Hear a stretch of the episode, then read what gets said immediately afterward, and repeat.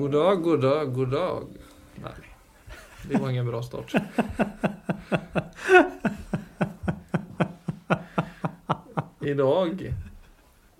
I dag skal vi snakke om et eller vi skal starte med et spørsmål, tenkte jeg. Ja. Og det er et spørsmål som flere har, har egentlig som er et stort tema. og, men, og som mange lurer på. Och som är aktuellt också för mig i allra högsta grad. Och det är mindfulness med barn. Och då tänkte jag att jag bara tar ett av spörsmålen här som är eh, mindfulness i forhold til oppdragelse og barn. Logikken bak mindfulness kan gå litt over huvudet på barn. Hva kan man gjøre av teknikker, holdninger, for å så små frøen av tilstedeværelse i oppdragelsen? Så den kaster jeg over til deg, ja da, Viggo. da må jeg først uh, opplyse lytterne om at uh, jeg har ikke barn selv, så Så jeg har ikke noe Du har katt. Jeg har katt, ja, men der uh, Der er det bare én ting som funker, og det er hvis, du, hvis den er sulten og trenger mat, så er du veldig populær. Og hvis den er mett, så er du, finnes du ikke. Så det er liksom eh, Det er det, den det, ja, ja, det, er, det er ganske enkelt. Ja, altså det er ikke deg vi skal spørre? Altså, Jeg kan jo si noe på grunnlag av eh, det jeg vet om mindfulness. Og jeg har jo snakket med mange foreldre og gitt dem veiledning på å bruke dette på barna, så jeg kan jo snakke litt eh, fra det perspektivet. Men eh, jeg tenker det er jo to ting vi må snakke om. da. Det ene er dette med altså det som kalles mindfulness-øvelser. Det fins jo faktisk for barn.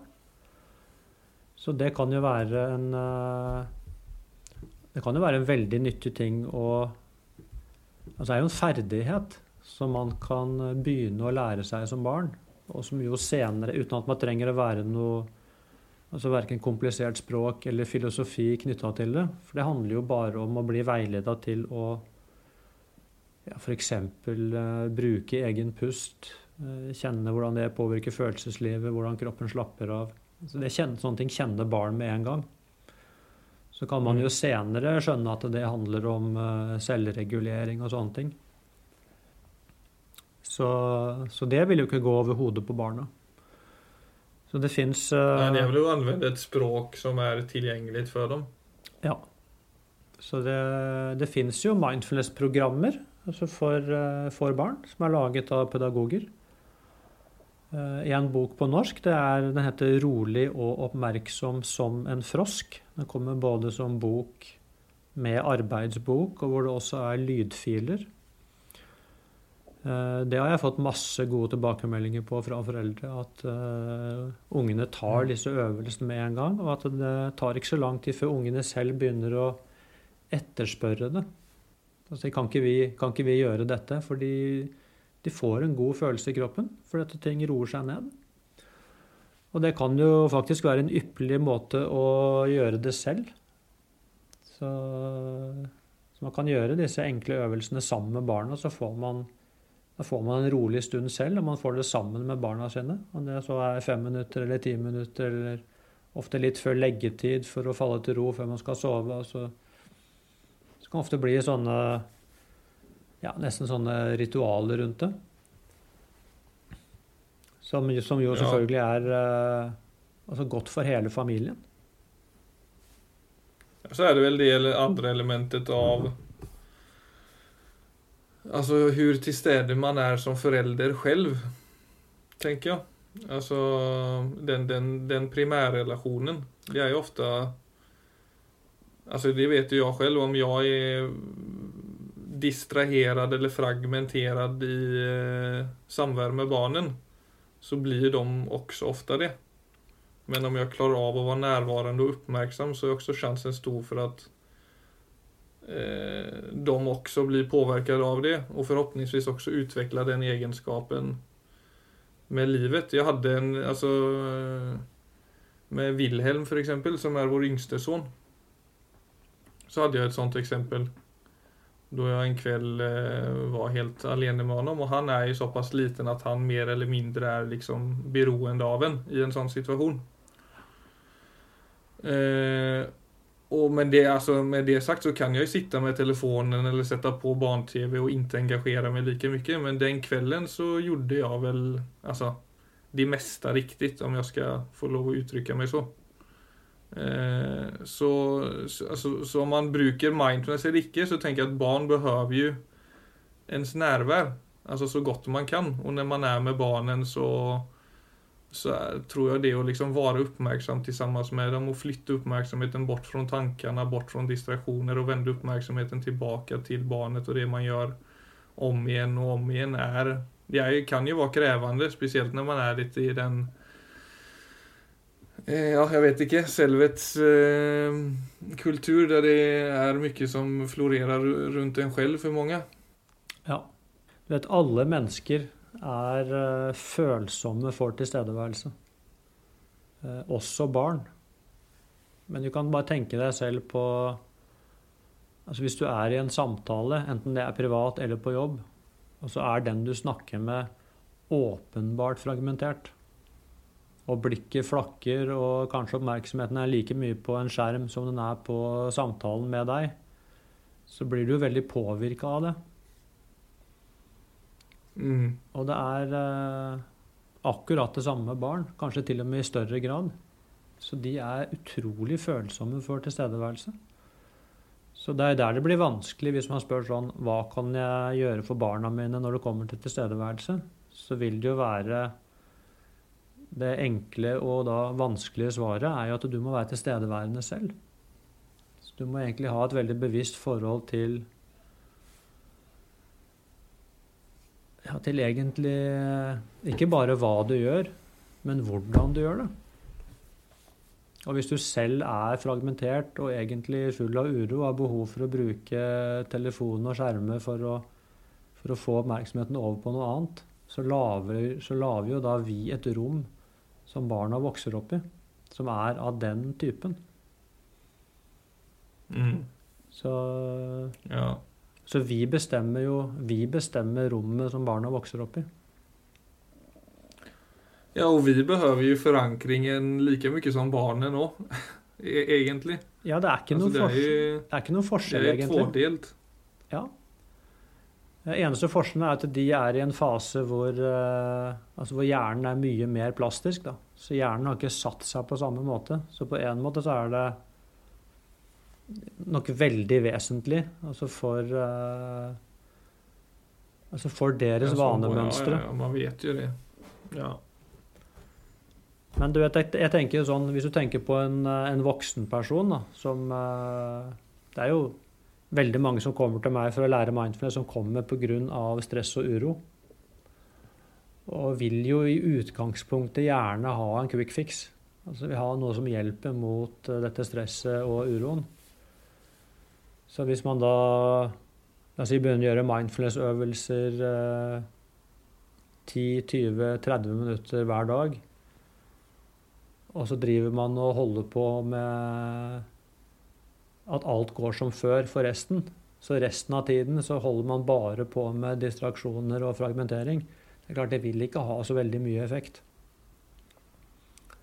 Så parallelt med Så noe av poenget med å kanskje få disse 10-20 minuttene med ro, er jo også at det gir grunnlag for en refleksjon, sånn at jeg kan få øye på hva jeg trenger å gjøre av endringer i livet mitt. Så blir jo det samme for barn. Du kan godt gi dem ti minutter eh, liksom med pusteøvelse om dagen, men hvis resten av tiden er det totale kaos, så er det klart at det har minimalt med effekt. Det viktigste er jo eh, altså med hvilken, med hvilken tilstedeværelse lever jeg livet mitt. Og da Man kommer ikke unna denne Man kommer ikke unna å se seg selv i speilet. Altså På et eller annet tidspunkt, hvis man skal ta dette med tilstedeværelse på alvor, så må jeg ta et blikk på hvordan jeg lever livet mitt. Men tror du det er vanskeligere for dagens...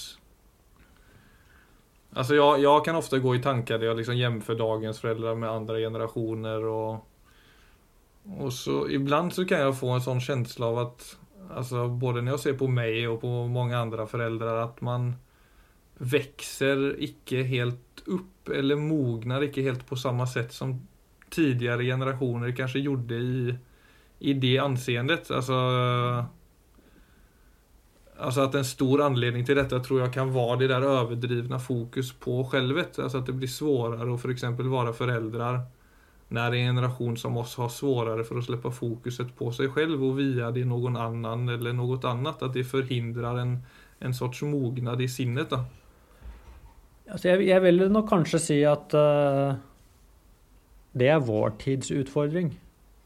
Andre tider hadde andre utfordringer, så, så På én måte så er det jo Så ligger jo alt til rette i vår tid.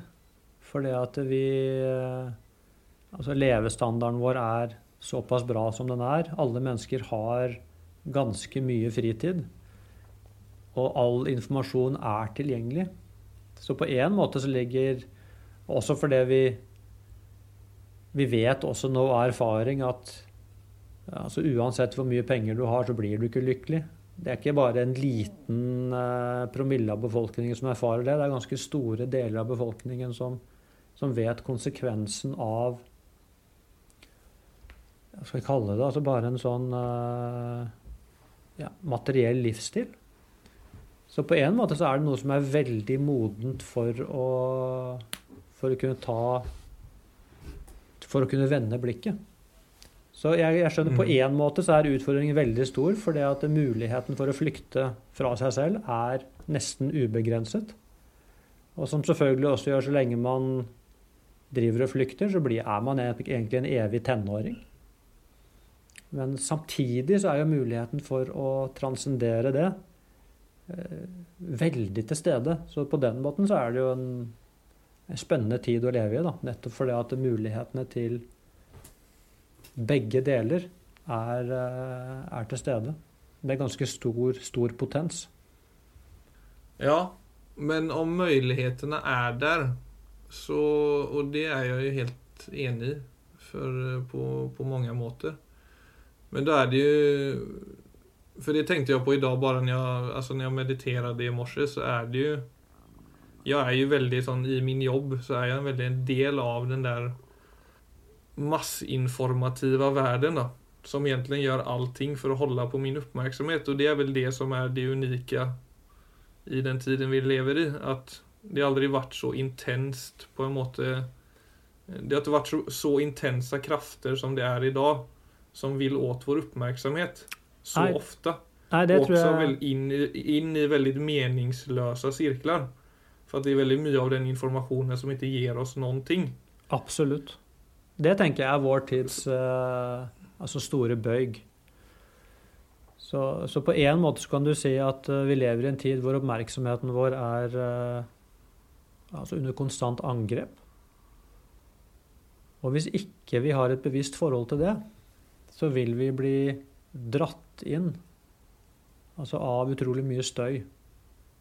Og, og, det går jo bare i Altså vil bare forsterke seg mer og mer. Det blir som uh, alle andre former for Altså når man blir avhengig av noe stimuli.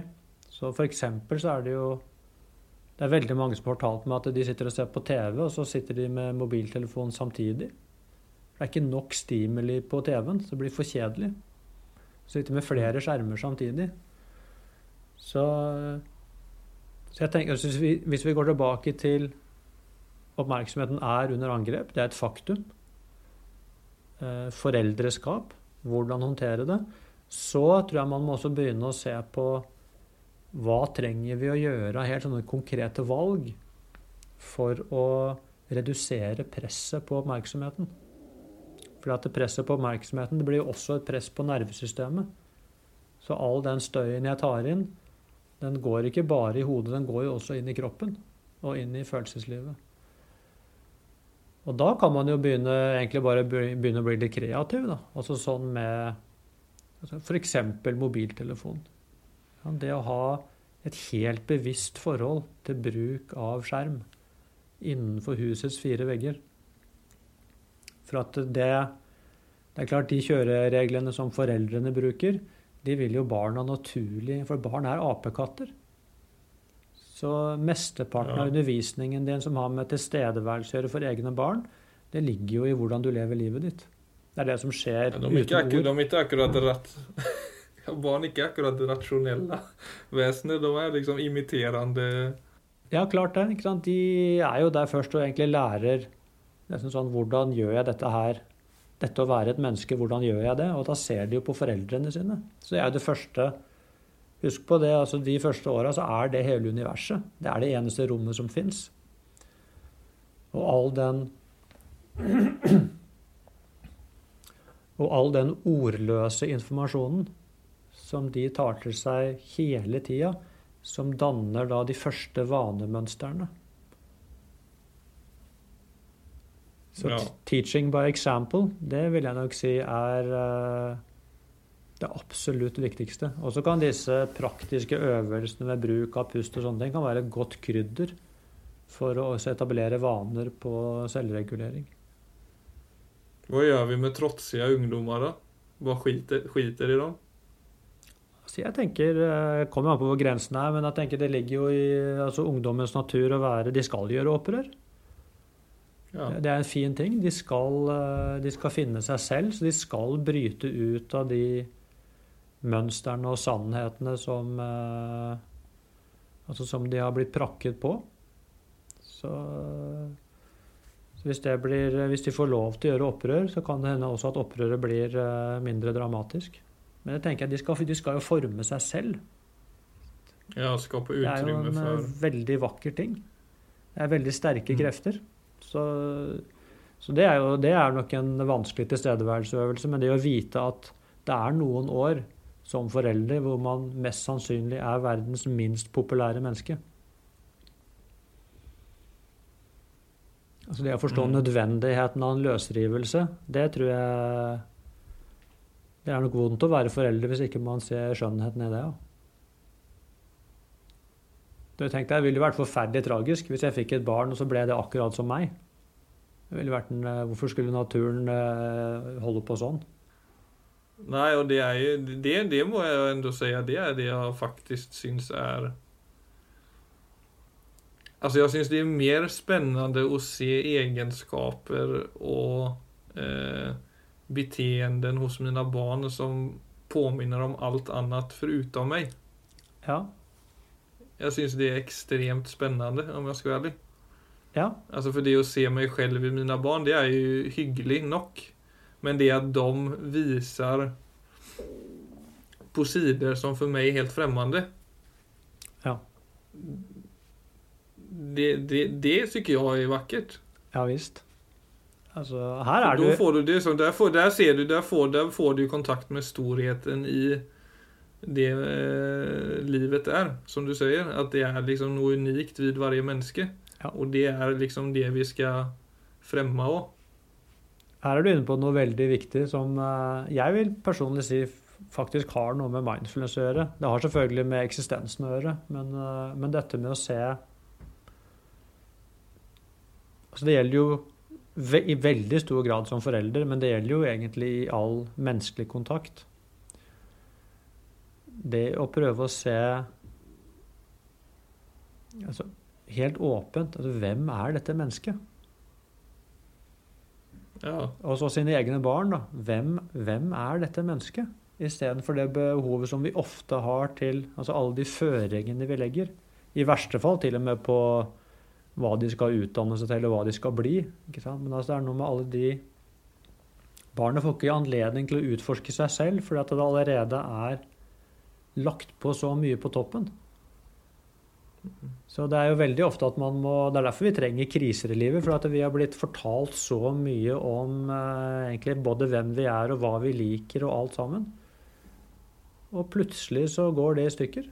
Og så må jeg kaste bort det for å finne ut ja, men hvem er egentlig jeg? Hvis jeg glemmer alt jeg har lært, hvis jeg glemmer alt som har blitt påført meg, hvis jeg glemmer alle verdiene som har blitt påført meg, hvem er jeg egentlig?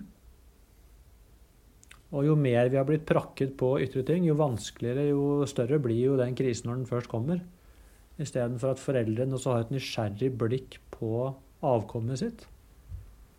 Og, og, som man, eh, Mm. og som man jo vet, altså det er veldig sjelden at to søsken som har de samme to eller tre eller fire eller hvor mange det er, som har de samme genetiske informasjonen og de samme foreldrene, så blir de jo allikevel vidt forskjellige. Så, så det tenker jeg også er Da begynner vi å snakke om eh, Hvis vi snakker om mindfulness og foreldreskap, da er vi med på det virkelig, virkelig eksistensielle nivået. Det er å Istedenfor å være insisterende og være lyttende i forhold til uh, egne barn. Og at de får lov til å finne seg selv uten at jeg skal bestemme det for dem.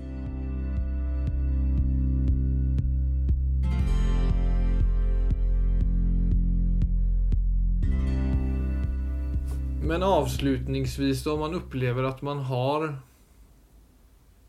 Altså vanskelige barn vil jeg kanskje ikke uttrykke meg med, men barn som eh, ja, antingen på et personlig plan har det litt vanskelig, eller bare generelt sett er opprørske på ulike sett.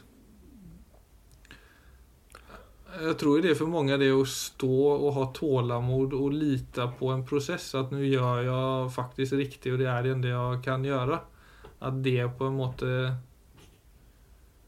ja, i, for det er jo en, en, tid av usikkerhet når man opplever at ens barn er på eh, et dårlig sted i livet.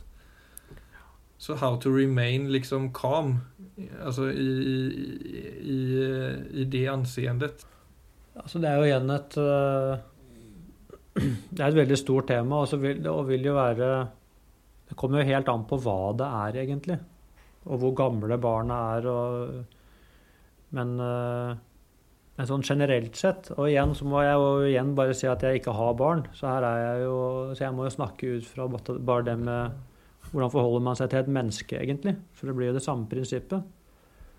Men jeg tenker jo nummer én Altså nå, Jeg har jo snakket altså veldig mye med mennesker de siste 20 åra rundt deres egne liv.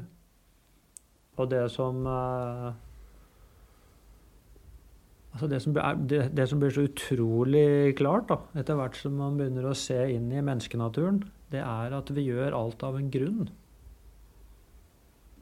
Så det å Så også barn. ikke sant? Altså det er veldig, Som du selv sa, vanskelige barn, og så korrigerte du deg, ikke sant? men det er jo det er veldig lett når man ser eh, f.eks. visse typer atferd og oppførsel, at man, at man Ja, men det skulle jo ikke være sånn. Istedenfor å bli egentlig for å bli lyttende altså jeg vil si En tilstedeværelse handler jo om å bli lyttende. Du må være nysgjerrig og lyttende til å se altså hvor kommer dette behovet fra. For det er alltid en grunn.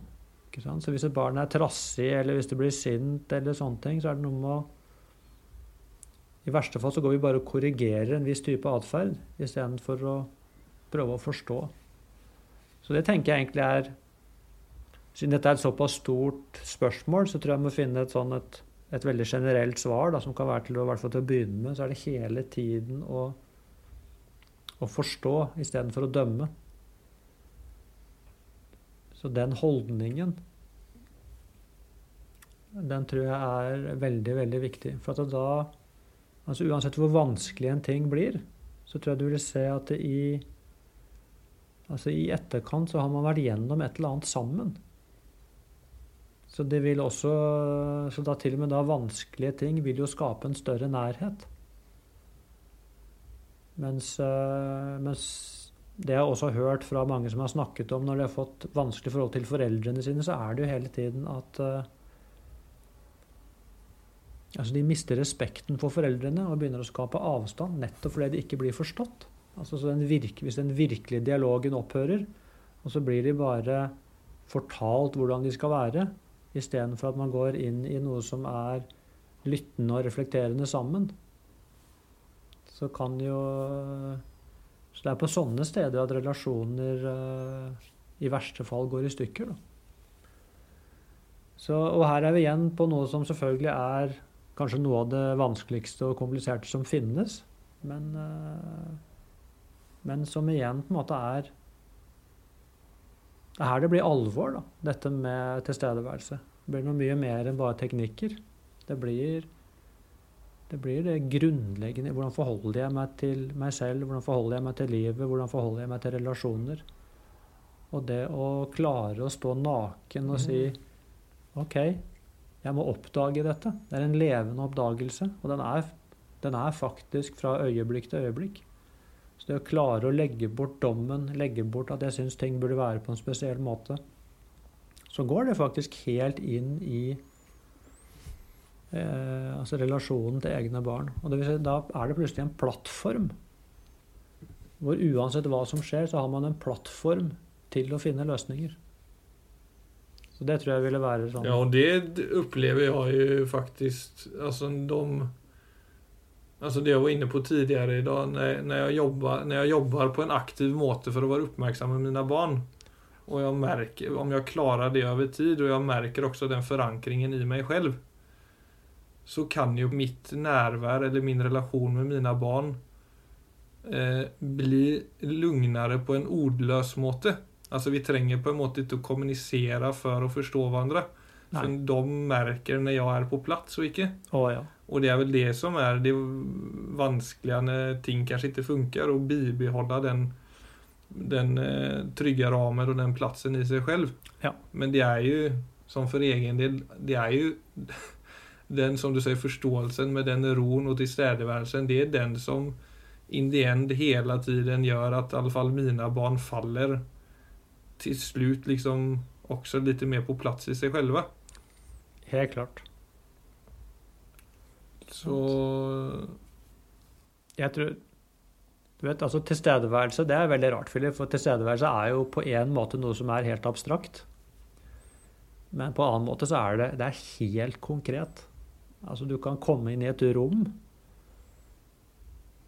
og, du, og du kjenner det. Altså Det er eh, like tydelig som om veggene var røde eller om de var grønne. Det er like tydelig. Altså Hvis du kommer i et rom som er Rommet er på plass. Det er, et, det er altså et rom hvor mennesker er til stede. Det er et utrolig godt rom å komme inn i. Så det er helt håndgripelig. Og hvis, du kommer, hvis det er rom hvor ting flyter, så, og hvis man da ikke har ankerfeste i seg selv, så blir man jo påvirket av fargen i det rommet. Og du kan tenke deg barn som er så lett påvirkelige. Så, så der ligger jeg, jeg er helt enig med deg. altså sånn eh, Det burde nesten vært, eh, burde vært snakket mye mer om, egentlig. Altså dette med foreldreskap, og også det å Ja, hva som virkelig kreves. Altså det, dette med Altså tid, tilstedeværelse, ro. Så hvis plutselig TV-en blir substituttet for, eh, for nærvær det er, eh, det er klart, er det ikke rart at eh, Så kan det godt hende at tre år seinere så har man plutselig fått eh, altså, la oss si problemer. Og så lurer man hvorfor, hvorfor, hvorfor er det blitt så umulig? Så kan det hende at du må gå tre år tilbake i tid for å begynne å finne frøene til at ting har begynt å skjære seg. Så det er mange måter å se dette på. Det er veldig ofte vi bare går på sånn symptombehandling, mens eh, dypere sett så handler det om andre ting. Så kommer man igjen, man kommer ikke utenom dette egentlig eksistensielle perspektivet når vi snakker om dette. I hvert fall ikke for min del. Man må, Nei. man må kikke på ja, Man må kikke på altså sånn, hvordan er kvaliteten på det rommet vi er i. Og hva må jeg Mm. eventuelt gjøre for at den kvaliteten skal bli ordentlig god? Hva må jeg gjøre mindre av, hva må jeg gjøre mer av?